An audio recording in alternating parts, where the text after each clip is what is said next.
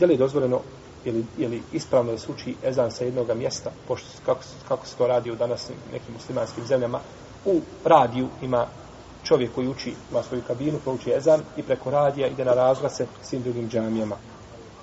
To je neispravno, o tome smo već govorili, jer time se time se znači ukida sunet poslanika sa svem i zabranjuje se brojnim ljudima nagrada učenja ezana. Da li je dozvoljeno pričanje prilikom učenja ezana, čovjek uči ezan pa da progovori s nekim nešto pa da nastavi. Ovdje imamo nekoliko mišljenja. Prvo da nije dozvoljeno, da je dozvoljeno općenito i to je mišljenje Hasana i Ata i Katade i Ahmeda s tim što ima Mahmed brani pri kametu. I to se pominje od Sulejmana ibn Sarda, Ashaba i Urveta ibn Zubeira i drugi.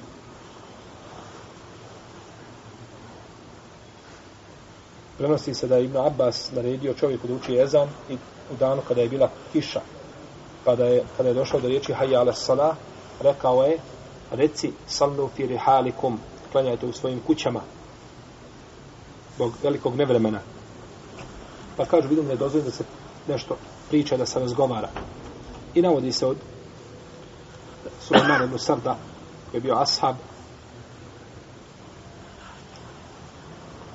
pa je u Ezanu kazao svome dječaku da ode da mu nešto uradi poslova i tako, pa je nastavio učenje Ezana. Drugo, da je mekruh učenje Ezana, e, pričanje da je mekruh, oprosti da je mekruh pričanje pri učenju Ezana i Kameta, i to je mišljenje Ibrahima Nehaja, Ibn Sirina, Elauzalje, Malika, Seurija, Šafije, Ebu Hanife. Treći kažu da ne treba pričati osim ako je to za korist namaza ili korist Ezana, i to je stav a, Ishaka i odabro ga Ibn Munzir i četvrti kažu ako bude pričao pri ikamet ponovit će ikamet, to je stav imama Zuhrija Muhammed ibn Šihaba je Zuhrija.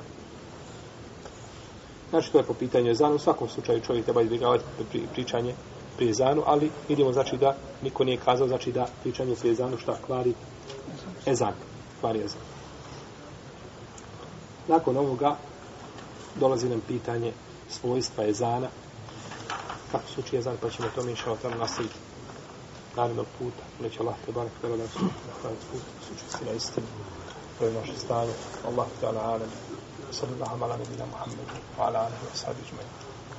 Ja bih zamolio stiče pitanja da to malo prolongiramo zbog klanjača. Znači, ljudi će iskupili u safove, a možemo nakon jacija. Sam ovdje pa ima neko pita. Ja sam hvala na gledu svakim.